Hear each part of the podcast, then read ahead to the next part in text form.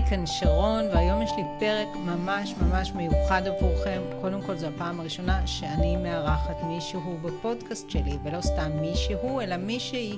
נטלי גל, נטורופטית למשפחה.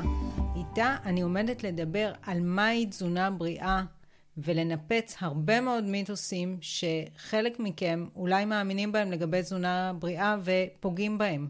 אז נטלי נטורופטית למשפחה, שאני מכירה כבר די הרבה שנים, ואפילו היא יצאה לי בכמה דברים אישיים בהצלחה מרובה, ואני מאוד מאוד מחזיקה ממנה ומהידע המקצועי שלה. אז נטלי, ברוכה הבאה לפודקאסט. תודה רבה, שרון. תודה שאת מארחת אותי. הכבוד הוא לי להתארח בפעם הראשונה בכיף. בפודקאסט שלך. אז אני אשמח לשמוע ממך קצת יותר על מה שאת עושה, לפני שככה אני אקפוץ למים. אוקיי. אז כבר 15 שנים אני נטורופטית, מקבלת מטופלים, זו העבודה העיקרית והיחידה שאני נועדתי לעשות אותה.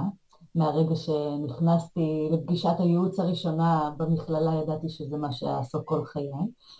וכשאני אומרת שאני מטפלת באנשים, אז אה, זה ממש ככה, אנשים אה, מגיעים עם מחלות אה, רקע, מחלות כרוניות, כפי שהרפואה הקונבנציונלית אוהבת להגיד, וזה מתחלק לכמה, כאלה שלא רוצים לנטול את התרופות שהרופא מורה להם, והם מחפשים דרך חלופית לבעיה שלהם כדי לפתור אותה, ויש כאלה שבאים עם סל תרופות שכבר מזיקות להם ויש קונטראינדיקציה בין התרופות ויוצר תופעות לוואי בלתי נסבלות כבר כדי uh, להתמודד איתן, אז הם מגיעים אליי על מנת לראות איך אפשר לשפר את הבריאות, ויוצא שאנשים uh, מפחיתים תרופות, uh, מבריאים ממחלות שתהיגו אותן ככרוניות, uh, משפרים את אורח החיים שלהם, התופעות לוואי הן ירידה במשקל, כן, זה לא באמת תופעת לוואי, אבל זה התוצר של ה... משהו שכמעט כולם רוצים. כן, כן נכון. אה, קורה גם שאנשים רוצים לעלות במשקל דרך אגב, אבל זה, אני מסכימה שזה פחות קורה, אבל זה קורה.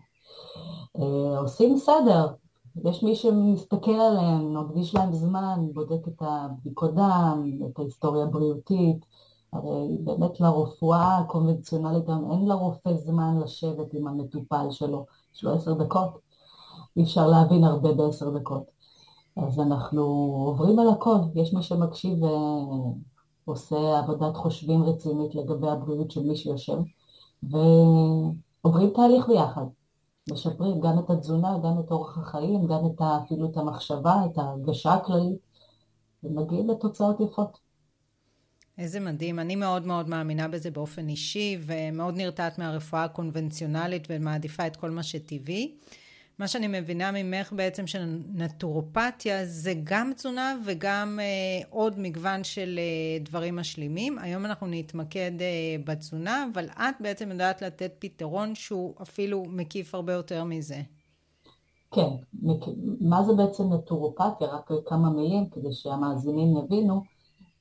בואו נפרק את המילה עצמה. נטור זה טבע, nature, ופתיה זה מחלה. אז בעצם אנחנו רוצים לגשת למחלה באמצעים טבעיים כדי לרפא אותה, אבל איך אנחנו עושים את זה? הכלי העיקרי זה להבין את השורש של הבעיה שהבן אדם מגיע איתה. כשאנחנו מטפלים בשורש, אנחנו פותרים את הבעיה לחלוטין. ואז אנחנו עוזרים לגוף להחזיר את הכוחות הטבעיים שטמונים בו על מנת לרפא את עצמו. כשאנחנו שוברים רגל, טפו טפו טפו, כן? אבל כשזה קורה, הגוף שלנו מרפא את השבר, לא הגבס. הגבס מקבע, הוא עוזר, אבל הריפוי מתחיל מבפנים. וככה זה לגבי שלל מחלות. רוב המחלות ניתנות לריפוי באמצעות האמצעים הטבעיים שטמונים בתוך הגוף שלנו. תני לי אה, דוגמה לשם של מחלה שאנשים חושבים שאי אפשר לרפא אותה ואפשר. קרוהן, קוליטיס, כולסטרול גבוה, לחץ דם גבוה, לא, זה לא מחלה אחת, זה כי לך זה אולי נראה משהו אה, טבעי ויומיומי, אבל זה דברים שאנשים כשהם מקבלים אותם, הם חושבים שזה גזר דין לכל החיים, שאי אפשר כן. אה, להפוך את זה. כשהרופא אומר אין מה לעשות, קח תרופה, אני מציעה לעשות רגע הפסקה, כי את התרופה תמיד אפשר לעצור ולקחת, לעשות רגע חושבים, מה גרם לי להגיע למצב הזה, מה החסרתי מהגוף, אולי למה חשפתי את הגוף, אולי ב mind, אולי יש המון רבדים לבריאות שלנו, זה לא רק תזונה. אבל היום נתמקד בתזונה. אז היום נתחיל מתזונה שהיא בעצם אה, אבן היסוד הייתי אומרת, זה נכון להגיד? אה, כן, בטח, זה מה שאנחנו מכניסים לתוך הגוף שלנו, חייב להשפיע עלינו. מעולה. אז אני ככה אגיד למה בכלל חשבתי על הנושא הזה דווקא של תזונה בריאה, ולמה חשבתי להתחיל דווקא מזה, כי היום זה ככה נהיה מאוד מודרני, שאנשים אומרים, אני חייבת להתחיל לאכול יותר בריא, או אמ, אני לא עושה דיאטה, אני פשוט אה, אוכלת בריא, או אני חייבת להפחית את הפחמימות, זאת אומרת, וגם כשאנשים אומרים את זה, אני לא בטוחה שהרעיון שלהם למה זה לאכול בריא הוא בכלל נכון ויביא אותם לבריאות. אז בואו נתחיל בכלל מהשאלה הזאת. זו שאלה גדולה, אולי תנסי לצמצם אותה. מה זה בכלל תזונה בריאה? כן, את מכירה את זה שנפגשים משפחה, ואז כל אחד חושב שהוא כבר אה, תזונאי, ולכל אחד לא, אבל אל תעשה ככה, אבל לא, זה לא בריא, זה כן בריא, כל אחד חושב שהוא מבין הכי גדול, ואז זה יוצר בלבול. ומעבר לזה יש לנו את דוקטור גוגל, שגם מבלבל אותנו, והיום בכלל יש את הפייסבוק ואת האינסטגרם, וכולם שואלים שאלות, וכולם מרשים לעצמם לענות. ואנשים מחפשים אה, ייעוצים, מה זה תזונה בריאה, אה, ולוקחים ולוקטים את האינפורמציה מבחוץ. בגדול, מה זה תזונה בריאה? לטעמי, תזונה בריאה זה קודם כל לא להכניס לגוף חומרים מזיקים. אם מה? קיים, אם קיים בסוג מזון מסוים שהוא נתפס כבריא, חומר שהוא מזיק, מבחינתי הוא כבר לא בריא. כי הטבע שלנו מה שנמצא בטבע, מבחינת התזונה שלנו והמזונות שקיימים בשבילנו, מה שנמצא בטבע לא יכול להכיל משהו שיגרום לנו נזק, מהטבע שלו, בטבעי שלו. בבסיס שלו לא יכול לגרום נזק. מתי כן? כאשר המזון הזה הוא כבר לא טבעי, מעובד, שבני האדם מתערבים, ואנחנו הרי החיה הכי מסוכנת בעולם. אנחנו, כן, בכוח אה? שלנו הורסים ומחדירים לכל מיני חומרים ומשנים את ההרכבים הטבעיים והשינויים האלה יוצרים בעיה. עכשיו כשאומרים בשר בריא, גבינות בריא, ביצים בריא, על אף שזה כביכול טבע, לא נדבר עכשיו טבעונות או לא טבעונות, אבל על טבע, כי בני האדם אכלו בשר לאורך כל השנים שאנחנו קיימים, אבל בני האדם גם עשו משהו רע, הכמויות, התוספים שמחדירים, המזון שהחיות אוכלות, הסביבה שהן גדלות, זה כבר לא אותו דבר. וזה נכון גם לגבי ירקות, הריסוסים, ואיכות הגידול שלהם, והמזונות שקיימים בסופר, הארוזים. אז רגע, בוא נעצור רגע ונתמקד שנייה במה שאמרת, כי תמיד צריך לעשות drill down. אז אמרת, אוקיי, אמ, ירקות ללא ריסוסים זה ירק אורגני? נכון. ובשר למשל, אם הוא גודל במרעה ובאופן חופשי, אז הוא טוב לנו? בשר לא טוב לנו, נקודה. אפשר להרחיב טיפה למה? כי דווקא הרבה אנשים שידברו על מזון בריא, ילכו כן לאכול את הבשר והירקות וירצו להוציא את הפחמימות דווקא. תראי, בואי נשים את הדברים על השולחן. מי שאוכל בשר שגדל במרעה, בטבע, אה, נקי כל רעל אחר, אלא מה שיש בו קיים וזהו. פעמיים בשבוע, פעם בשבוע, לעיתים נדירות, לא יקרה כנראה שום דבר רע, אם התזונה שלו מבוססת על ירקות ופירות, וזה עיקר התזונה, כי העיקר קובע. ירקות ופירות זה העיקר בתזונה בריאה? נכון. אבל את לא יכולה להתחמק מהאמת. מה שאני אומרת אולי נשמע נחמד, אבל זה לא ככה. כי החיות לא גדלות ככה, בשום מצב ובשום מקום, ואנשים לא מגיעים לכמויות האלה, הם אוכלים כל יום בשר. ומה רע בלאכול כל יום בשר? הרבה סיבות. תראי, אני, ו... אני, אני שנייה אעצור, כי את יודעת, אני בעצמי קצת אה, אוהדת של הנושא, ואני כל היום שומעת פודקאסטים על הדברים האלה, ואני קוראת, אבל אני עכשיו מייצגת את הבן אדם הממוצע, אני לא מייצגת רגע את שרון, אני מייצגת את האנשים שאני שומעת סביבי. בהחלט, אנשים שבאים אליי הם אנשים... אה, אז הם ישאלו אותך, מה רע בבשר כל יום? זה, זה אחד מהדברים נכון. שזה הבסיס של התזונה, מה רע בזה? בהחלט, אז באתי לענות. כן. תראי, יש כמה דברים. יש את ה basic שנמצא בבשר, שהוא רע לנו, וזה כבר מוכח במחקרים ובתצפיות באנשים. זה פשוט, גם הרופאים עצמם, הקרדיו, אה, יודעים אה, שבשר מזיק ללב. למה? כי הוא מכיל שומנים רבועים, כולסטרול, החלבון שנמצא בבשר, הטבעי, בכמות גבוהה מזיק ללב, מזיק לכליות. חולי כליות ואי ספיקת כליות מומלץ להם להפחית ואפילו להפסיק בשר בגלל החלבון. החלבון מן החי מזיק לבני האדם, בטח כשהוא נצרך כל יום. אבל זה ה basic. מעבר לזה יש את הרעלים שמוסיפים, אם זה אנטיביוטיקות והמתכות הכבדות. זה לא נגמר רק בזה. יש את, כמובן את ההורמונים הטבעיים שנמצאים בבשר, האסטרוגן, שהוא מזיק לבני האדם אה, בצורה ניכרת. הרבה מחלות שלנו שמתפתחות, בעיקר מחלות סרטניות על רקע הורמונלי, הן תוצר של אכילת אה, מזונות שיש בהם אה, פעילות אסטרוגנית. ובסויה למשל אין פעילות אסטרוגנית? אז סויה זה צמח, ומסכנה הסויה שהיא קטניה בסך הכל, כמו עדשים וכמו חומוס, היא בסך הכל קטניה, ותשימי לב שבשנים האחרונות, ממש לאחרונה, כבר אין את המחקרים שהיית רואה ברשת לגבי הפיטואסטרוגנים, כמה שזה מזיק ולא לדעת. למה? כנראה בגלל שמוכרים יותר סויה על המדפים. אז אפשר להבין מזה שכנראה מאחורי הקלעים יש מישהו שדוחף לפה או לפה כשמתאים לו לדחוף. אה, בסופו של דבר, הסויה היא קטנייה, אין לה שוני גדול, חוץ מזה שנכון, היא מכילה יותר פיטואסטרוגנים, אבל עוד הרבה מזונות בטבע מכילים פיטואסטרוגן. את יודעת שבזירי פשטן, מי ששותה שייקים מקבל כמות הרבה יותר גבוהה של אה, פיטואסטרוגנים מאשר בסויה. אבל נוצר שם רע.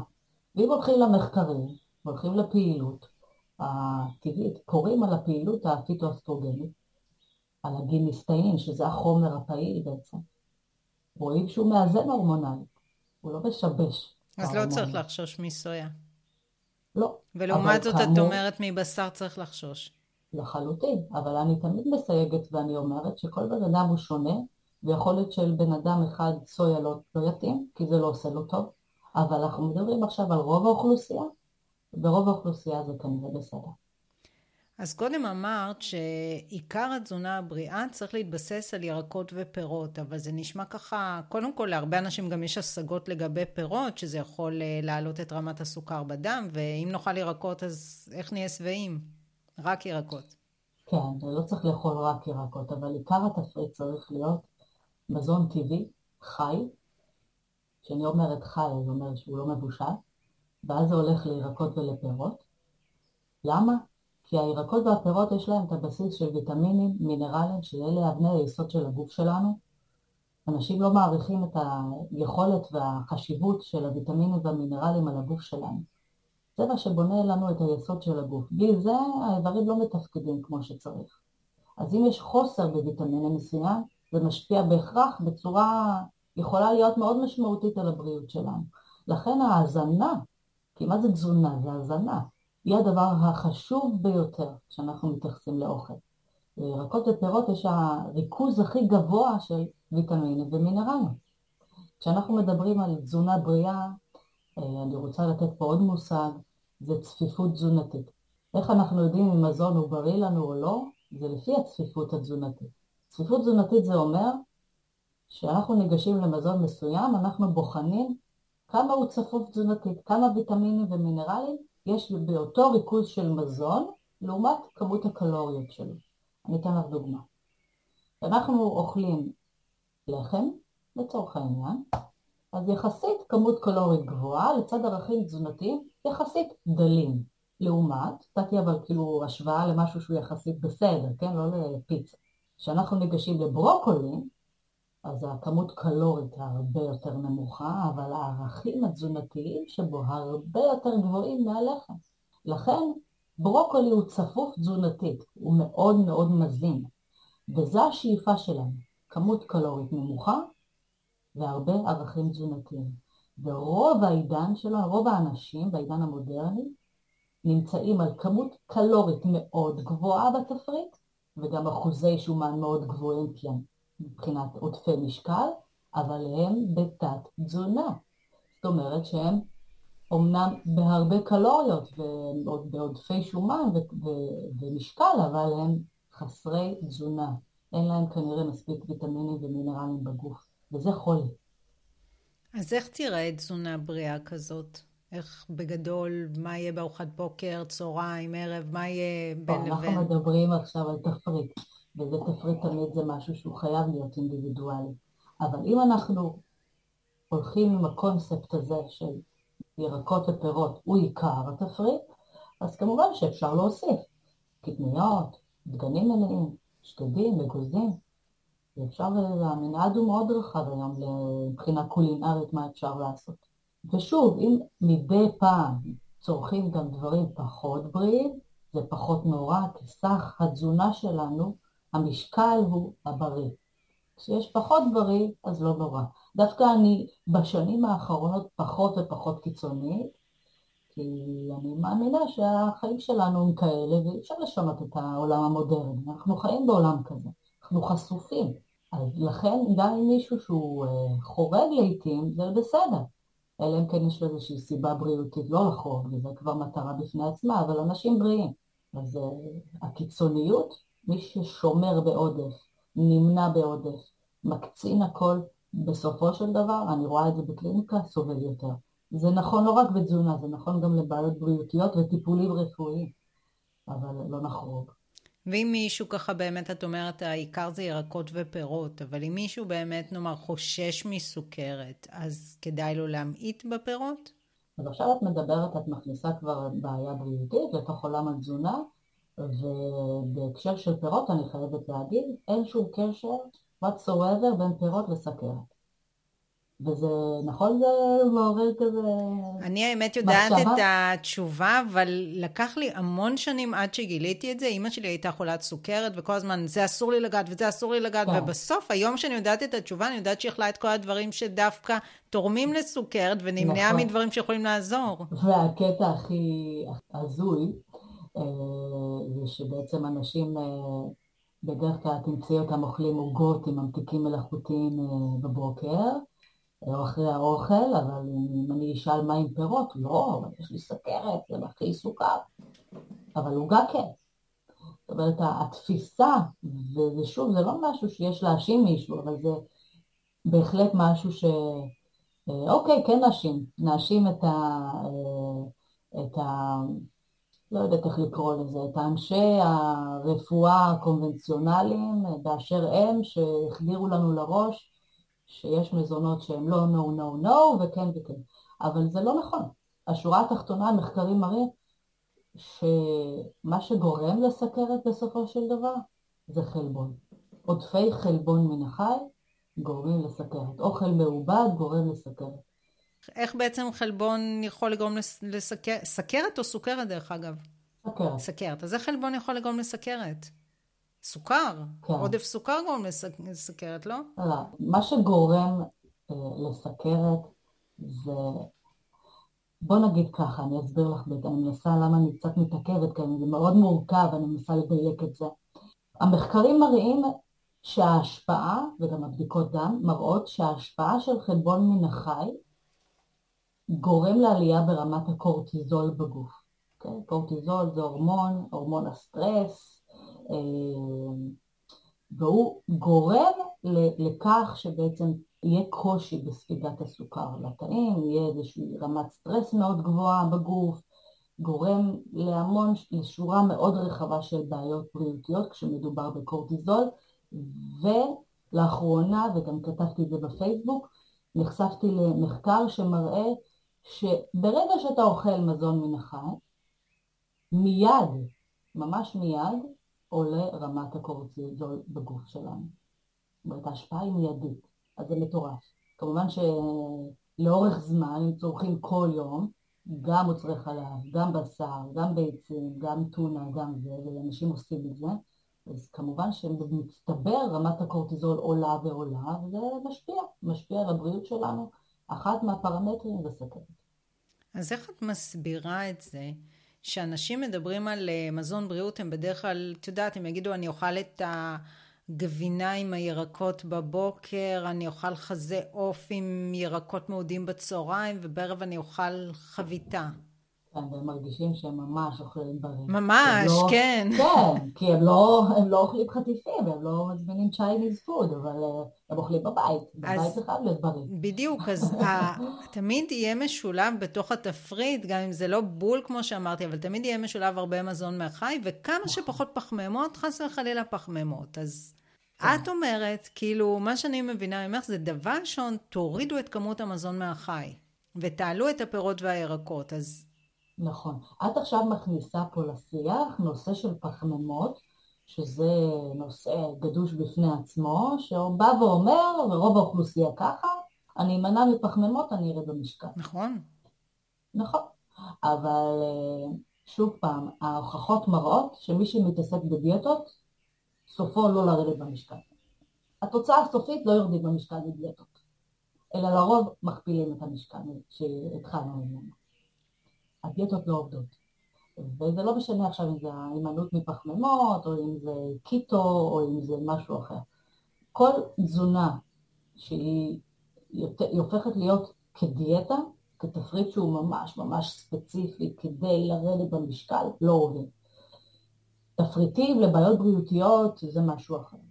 יש, בשביל זה אנחנו מדברים פה על תזונה בריאה ולא לתפריט לאכול לבעיות בריאותיות. כתזונה בריאה, התזונה צריכה להיות מגוונת, צריכה להכיל את כל אבות המזון.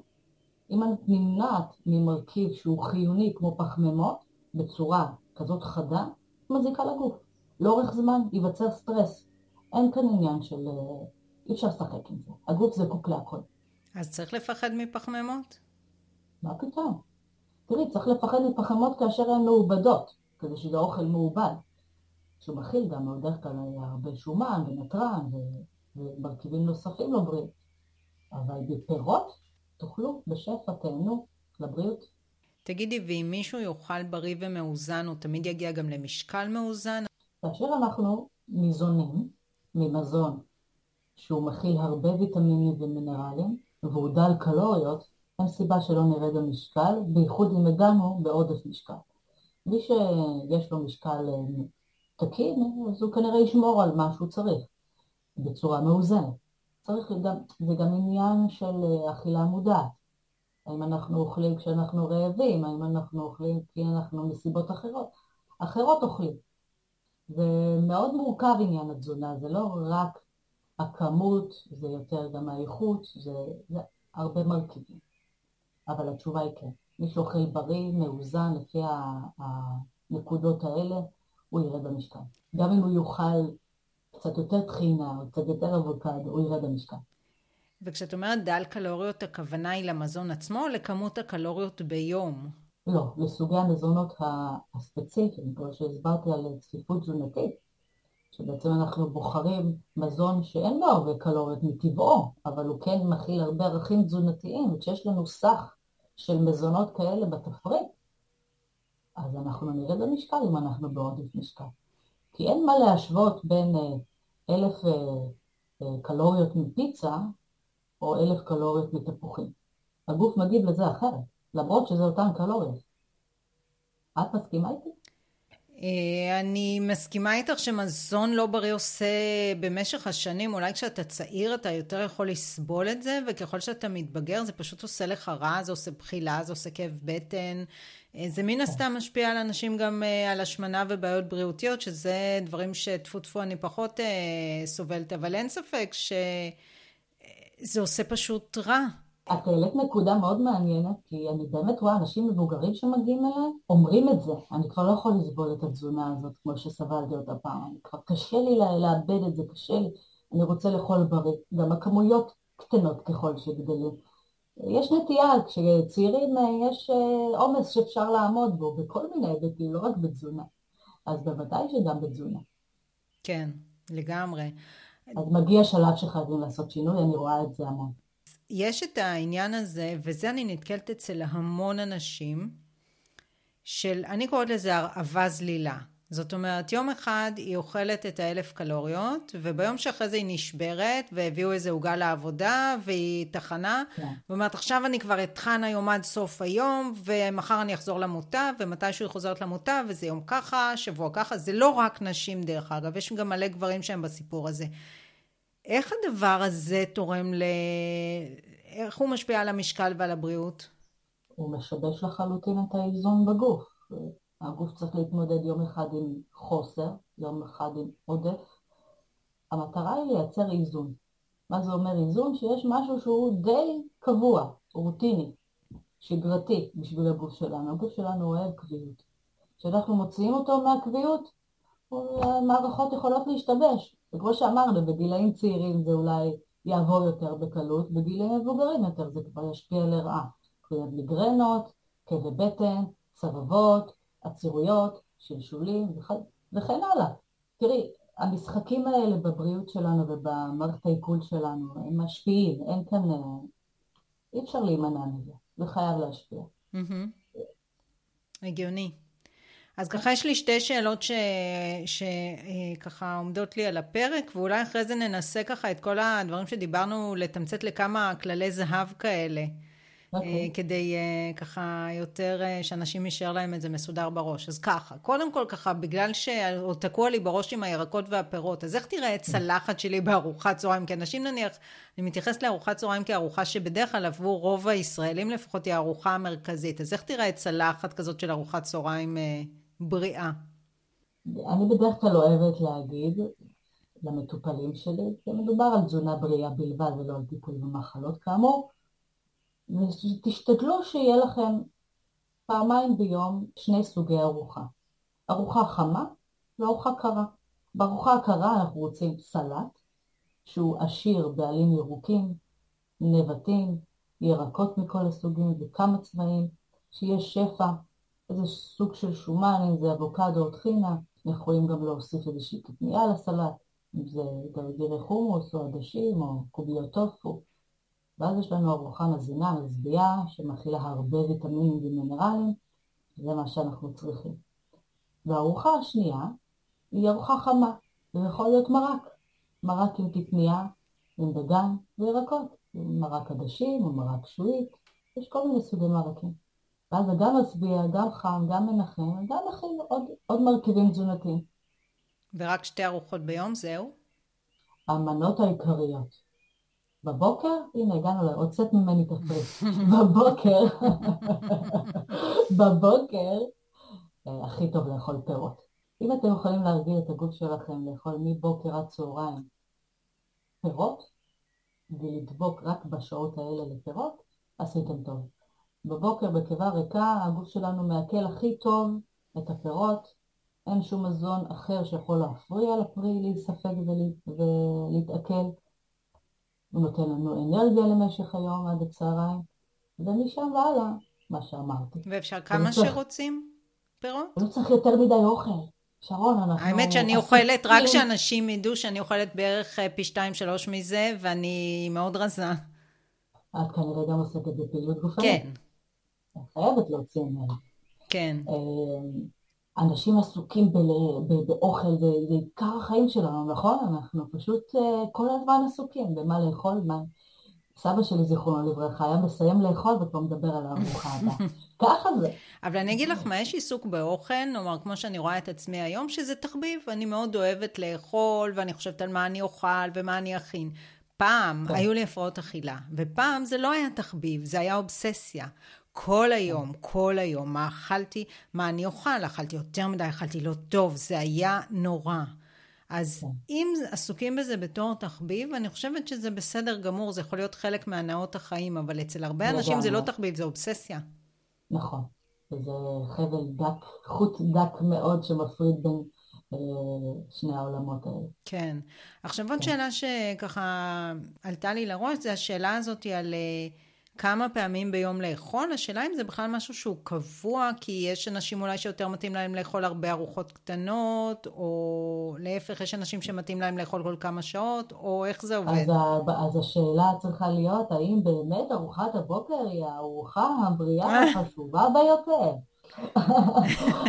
אז לא, אוקיי? אני, אני מאוד מאמינה שכל בן אדם הוא שונה, ואני הרבה פעמים המון פעמים לא אוכלת בבוקר, שותה הרבה מים, לא. עד שאני ניגשת לפרי שלי, בדרך כלל זה בננה. תקשיבו לגוף שלכם, אם אתם לא רעבים, אל תאכלו. אבל שלא יגיעו האלה בעודפי המשקל עכשיו ויגידו, או, נטלי אמרה לו לאכול, אז אני לא אוכל כל היום, ובערב אני... לא. אם אתם יודעים שאתם לא אוכלים כי נטלי אמרה שזה טוב, לא. אבל אם אתם באמת לא רעבים, תאכלו רק כשאתם רעבים. אבל שלא יגיע מצב שאחרי זה בערב מנשנשים בלי הפסקה וזה בור ללא תחתית, זה לא המטרה. המטרה היא ליצור איזון שבאמת הקשבה של מתי רעבים לאכול. כששבעים, להפסיק עוד לפני ששבעים. אני שבעה ב-70% שלי, אני מפסיקה לאכול. זה הרגל של שנים שפיתחתי והוא עובד נהדר, והרגשה מצוינת. אני בטוחה, אני דווקא לא מאלה, אני מאלה שלפעמים, הרבה פעמים אוכלים קצת יותר מדי. אה, זה יכול להיגמר בכאב בטן ובחילה, זה לא סבבה. אצלי כן, לפחות זה לא נגמר בעלייה במשקל, שאני לא אומרת שזה יותר טוב, אנשים חושבים שזה יותר טוב, אבל כאב בטן ובחילה זה לא כן. סבבה. כן, אבל את מחזירה אותי לעניין הגיל גם. גם בעניין הזה צריך להיות מאוד מאוד קשובים, נגיד, אה, הגנטיקה שלי טובה, אני לא עולה במשקל, אז לשים לב לזה ולבחון את זה, כי יכול להיות שבאיזשהו גיל מסוים הגוף כבר יהיה בלתי סביל לזה. ואז תהיה, אצל נשים, אה, בגילאי המעבר, זה מאוד מאוד נפוץ, ואני לא ארחיב על זה הרבה, אני מבטיחה, כשאני מתחילה לדבר על בריאות קשה לעצור אותי, כשמגיעים לגיל המעבר, אז יש ירידה ברמות האסטרוגן. ואז אה, קצת גורל לעלייה במשקל. אז זה באופן טבעי קורה, אז ככה קיבלתי מניטיקה. כן, האמת שאני יודעת, אצלי אישית זה לא, לא קרה. אה, אוקיי. אני כן, אה, במה שנחשב גיל המעבר, דרך אגב. וואו, זה נראית מצוין, חייבת להגיד. אני בת 53. די, באמת? כן. את נראית 38. תודה, תודה. את רואה, זה היה... האמת שזה חלק מזה זה תזונה, זה לא רק תזונה, אבל... אה, מדהימה. חלק מזה זה זה ששלושים שנה אני, אה, מאז שהיו לי הפרעות אכילה בגיל צעיר, אז אני אה, לא אוכלת דווקא רק בריא ורק מאוזן, אבל בעיקר בריא ועם ספורט והכול, אז אני חושבת שיש לזה תרומה אה, גדולה, והיא באה לידי ביטוי גם במה שנקרא גיל המעבר, שלא חוויתי את זה בשום דרך שנשים בדרך כלל חוות. אז תקבלי בטל ומבוטל בהקשר שלך. לא, אני יודעת שאצל רוב הנשים זה כן. ככה, אני יודעת כי אני קוראת... כן, בהקשר אה, שלך. כן, לא, אני יודעת נכון שזה נכון. אז ככה, מה עוד אה, חשוב לשאול ולא שאלתי? תגידי לי את. מה חשוב לשאול שלא שאלת? וואי, יש הרבה שאלות לשאול.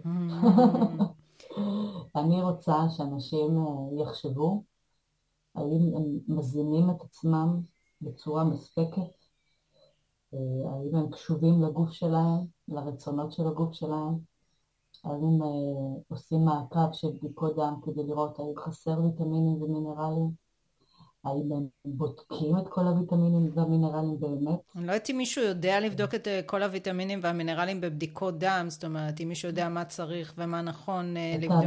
את צודקת לצערי, אז את הוויטמינים והמינרלים שבודקים בקופת החולים, אז מה שניתן לבקש, לבקש את הכל, ואם לא יודעים אז להיעזר בי. ומה שלא מבקשים דרך קופת חולים, מה שלא נותנים, ניתן לעשות גם דרכי דרך אה, בדיקת שיער וציפורניים, שזו בדיקה שאני עושה לגילוי חוסרים תזונתיים שלא נבדקים בקופת החולים, כמו סלניום, יוד וכדומה. אז זה מאוד מאוד חשוב. אני חושבת שהעניין הזה של הזנה הוא א' ב' לבריאות, אם תיקחו מהפודקאסט הזה את העניין הזה, צפיפות תזונתית, ירקות ופירות, אה, שמירה על זה שלא יהיה חוסרים תזונתיים, הזנה מרבית, זה, זה יהיה מבורך. דרך אגב, יש לך איזה משהו או באתר שלך, או שאת יודעת להפנות אותי על צפיפות תזונתית שנוכל להשאיר בהערות אה, לפודקאסט, שככה אנשים יוכלו יותר להעמיק בזה? אה, כמובן שיש את הפייסבוק והאינסטגרם, ויש גם את האתר שלי, ובטוח כתבתי על זה, אבל אני מבטיחה שאני אעלה את הכתבה הזאת, או שאני אכתוב כתבה אחרת בנושא, במיוחד אה, למאזינים שלנו, תפני אותם לכתבה הזאת. מעולה, אז אני אשאיר את זה ככה בהערות לפרק הזה, עם עוד uh, כישורים באמת, איך אפשר להשיג אותך. וככה, כן. לקראת זה שאנחנו נסגור את הפרק הסופר מעניין הזה, שמבחינתי אפשר להמשיך עוד שלוש שעות, אבל אני לא רוצה לבלבל אנשים. אני תמיד אומרת לאנשים, עדיף לעשות שינויים קטנים, אבל ליישם אותם, ולא שיהיו לי איזה נכון. חמשת אלפים דברים, אבל אני לא איישם כלום מהם. אני מאוד מאמינה בשיטה הזאת, ועל פיה אני לרוב עובדת בקליניקה. אנשים שמבקשים, בום, טראח, תבני לי תפריט, אני רוצה לשנות בבת אחת את כל אורח החיים שלי. בואו, זה לא עובד. זה בדרך כלל לא עובד. אנשים אוהבים לעשות, מה שמצליח בדרך כלל, וגם בסופו של דבר אנשים מתחברים לזה ואוהבים את זה, זה שינויים קלים שנבנים לאורך זמן, תוך כדי ליווי, והקטנים בסוף יוצאים אה, סך גדול של דברים. אחלה, אני ככה מאוד מתחברת לזה. אמ, אז בואי נראה ככה אם יש, נאמר אם עכשיו אני אומרת לך בין שלושה לחמישה דברים שזה הכי חשוב שאנשים יזכרו בהקשר למה שדיברנו. כן, אז ירקות ופירות, להקפיד על. אמרנו גם אורגנים כמה מפירות. שאפשר, נכון? נכון, במיוחד את העלים ואת הפירות, אה, מאוד מאוד חשוב. אה, אז להוסיף יותר פירות, לא לפחד מזה. כמובן, רק אם אתם בריאים, יש בחלת רקע, להתייעץ איתי, לא לעשות לבד. דרך אגב, אפשר להתייעץ איתך באינטרנט? אפשר להצטרף לקבוצה שלי בוואטסאפ שנפתחה לא בזמן, יש קישור בפייסבוק על מנת להצטרף. ואני יכולה גם לצרף אה, קישור כאן בהערות. נכון. וכמובן שהפייסבוק והאינסטגרם וגם הטיק טוק הם מלאי אינפורמציה ואתם מוזמנים. מצוין. אז אמרנו נכון. ירקות ופירות, ואם אין בעיה בריאותית מיוחדת, ואם יש בעיה בריאותית מיוחדת, אז אפשר להתייעץ עם נטלי בכל המדיות נכון. למעשה. נכון, מה שנוח לכם. אה, הדבר הנוסף זה להיות קשובים למנגנון הטבעי שטמון בכל אחד מאיתנו, שובע ורעב. גם מי שחושב שהוא איבד את זה לגמרי, את אומרת זה נמצא נכון. שם. זה נמצא שם ואפשר לחזור ולעורר את זה ולאזן את זה. ודבר נוסף אחרון זה תבדקו את הוויטמינים והמינרלים, שלא חסר לכם. אני חושבת שאלה הדברים העיקריים שצריך לקחת מהפודקאסט הזה כדי באמת uh, לראות ולבחון האם אתם במצב מאוזן מבחינה תזונתית, הרכב הוויטמינים, אופן האכילה שלכם, הבחירה התזונתית שלכם בסוגי המזונות שאתם אוכלים. זה הבסיס. מעולה. אז באמת ככה, זה היה ממש אה, מעניין ופוקח עיניים לשמוע אותך. באהבה, בשמחה. אז כמו שאמרתי, אנחנו אה, ככה נשאיר אה, כישורים לכמה מדיות של נטלי ככה, בהערות לפרק הזה, אז כדאי לכם מאוד מאוד להתחבר אליה. וזהו, היה כיף גדול. תודה ו- גם לי. המון המון תודה. באהבה. אז רגע לפני שניפרד, יש לי הבהרה קטנה, חשובה, בהמשך לפרק. אחרי שסיימנו להקליט את הפרק, שאלתי את נטלי, תגידי, זה נשמע כאילו שאת אומרת לאכול בננה בבוקר, מרק בצהריים וסלט בערב, וזהו.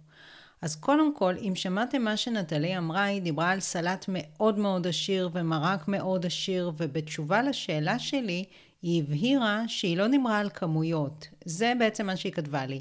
היא כתבה, לא אמרתי לאכול פרי אחד, לא הסברתי כמה טחינה ואבוקדו, כמה קטניה ודגן, וכמובן שיש עוד מרכיבים כמו אגוזים ושקדים שלא דיברנו עליהם.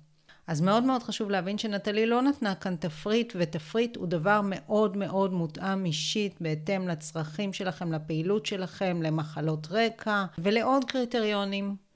בהערות לפרק תמצאו מאמר על צפיפות תזונתית ששופך אור על מה וכמה כדאי לאכול וכישורים כאמור למדיות השונות של נטלי ואיך אפשר ליצור איתה קשר. אז כמו תמיד אני מקווה שנהניתם, החכמתם והפקתם ערך מהפרק. שיהיה יום נפלא ולהתראות בפרקים הבאים.